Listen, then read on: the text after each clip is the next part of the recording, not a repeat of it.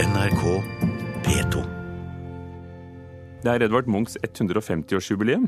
Vi har allerede nevnt det her i Kulturnytt, og vi har tatt for oss jubileumsutstillingen med et kritisk blikk. Men det er mange utstillinger med tema Munch i år.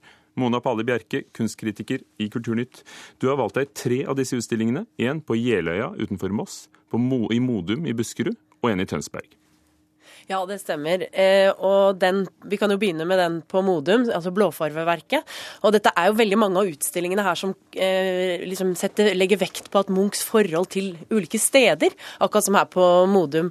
Han var en del av en sånn krets med friluftsmalere som var invitert til Blåfarveverket av den norske kunstneren Fritz Taulo. Og her så han samlet rundt seg yngre kunstnere, og så lot de seg inspirere da av naturen og av hverandre.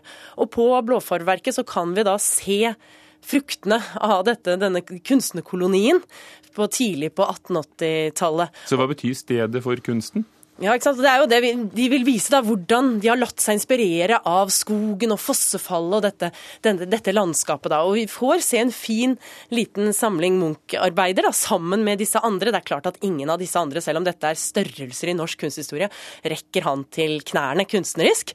Men allikevel er det gøy å se han inn i en sammenheng. Og det er veldig morsomt å se disse tidlige Munch-arbeidene, fordi de er veldig spinkelt eh, representert 1880-tallet på den store Munch-utstillingen på Nasjonalgalleriet blir det da på Munch 150. Det er veldig få 1880-tallsarbeider. Her får vi bl.a. se det verket som mange har et forhold til, studiet av Telthusbakken opp mot gamle Aker kirke fra Grünerløkka. En annen utstilling foregår på Galleri F15 på Jeløya eh, i Moss kommune, rett utenfor Moss by. Hvilken forbindelse hadde Edvard Munch med, til Moss? Ja, Han bodde altså på Grimsrød gård eh, fra 1913 til 1916. Og det var den tiden hvor han jobbet med aula-dekorasjonene. Og han, i denne utstillingen så eh, vil de jo gjøre litt det samme som de vil på Modum, da vise tilknytningen til stedet.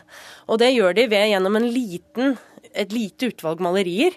Det er, veld, det er, ganske få bilder, men det er veldig flotte bilder, som viser da Jeløy-naturen, også motiver fra Moss. Og også eh, en del sånn avisutklipp og også sitater fra Munch. Men nevn noen, da.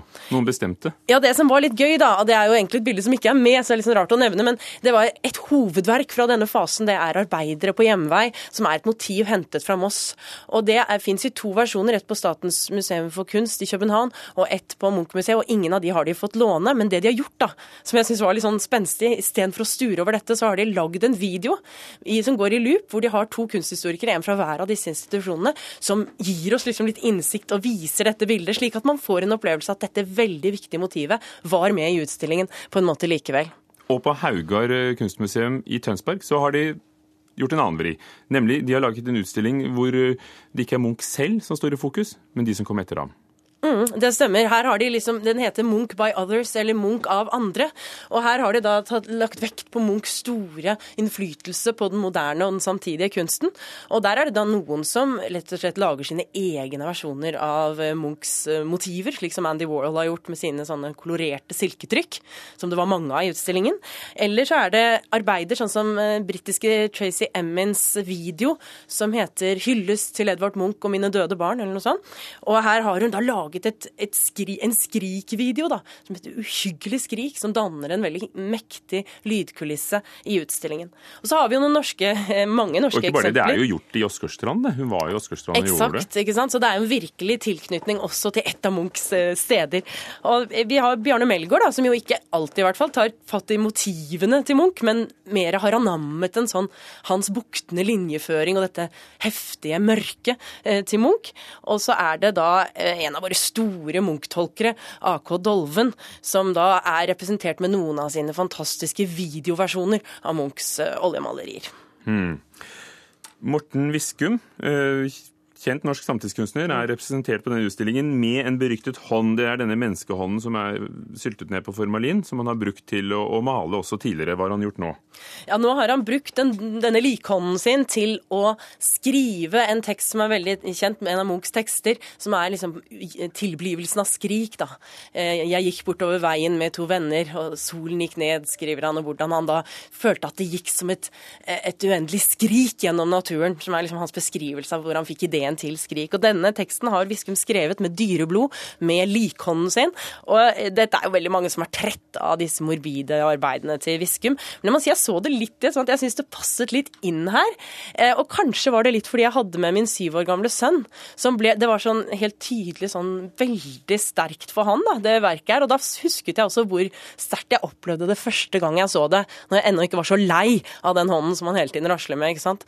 Og jeg husker det som, jeg så det som et sånt bilde på hvordan maleriet kjemper litt med å finne en relevans i da, nåtidens uh, billedkultur. Det er på en måte de døde hendene, fortidens hender, som maler. Men er det noe som mangler? For så mange som har latt seg inspirere av Munch, så kan det være vanskelig å favne alt? Jeg var imponert over hvor lite som egentlig manglet. Jeg syns det er en veldig fullendt presentasjon av denne rike innflytelsen som Munch har øvet. Men hvis jeg skulle peke på én mangel, så kunne jeg vært veldig glad hvis Steffen Kvernland hadde fått lov til å avslutte f.eks. med en av sine fabelaktige tegneserier eh, Munch, eh, basert på Munchs bilder og Munchs liv. Det hadde jeg syntes vært kjempeflott. Men alt i alt er dette likevel en helt fantastisk imponerende utstilling. Tre utstillinger med Edvard Munch som tema har vi snakket om. Én på Galleriet 15 på Jeløya, Munch og Moss. Munch og malervennene på Modum eh, på Blåfarverket der. Og Munch av andre, Munch by Others, på Haugård museum i Tønsberg. Hva syns du? Si det på kort tid. Jeg syns det var veldig flott. Tre ulike vinklinger på Munch som er veldig flott å se i sammenheng. Takk skal du ha, Mona Pali Bjerke. Heldigvis så kan vi også lese hva du mener på nettet nrk.no kultur. Hør flere podkaster på nrk.no podkast.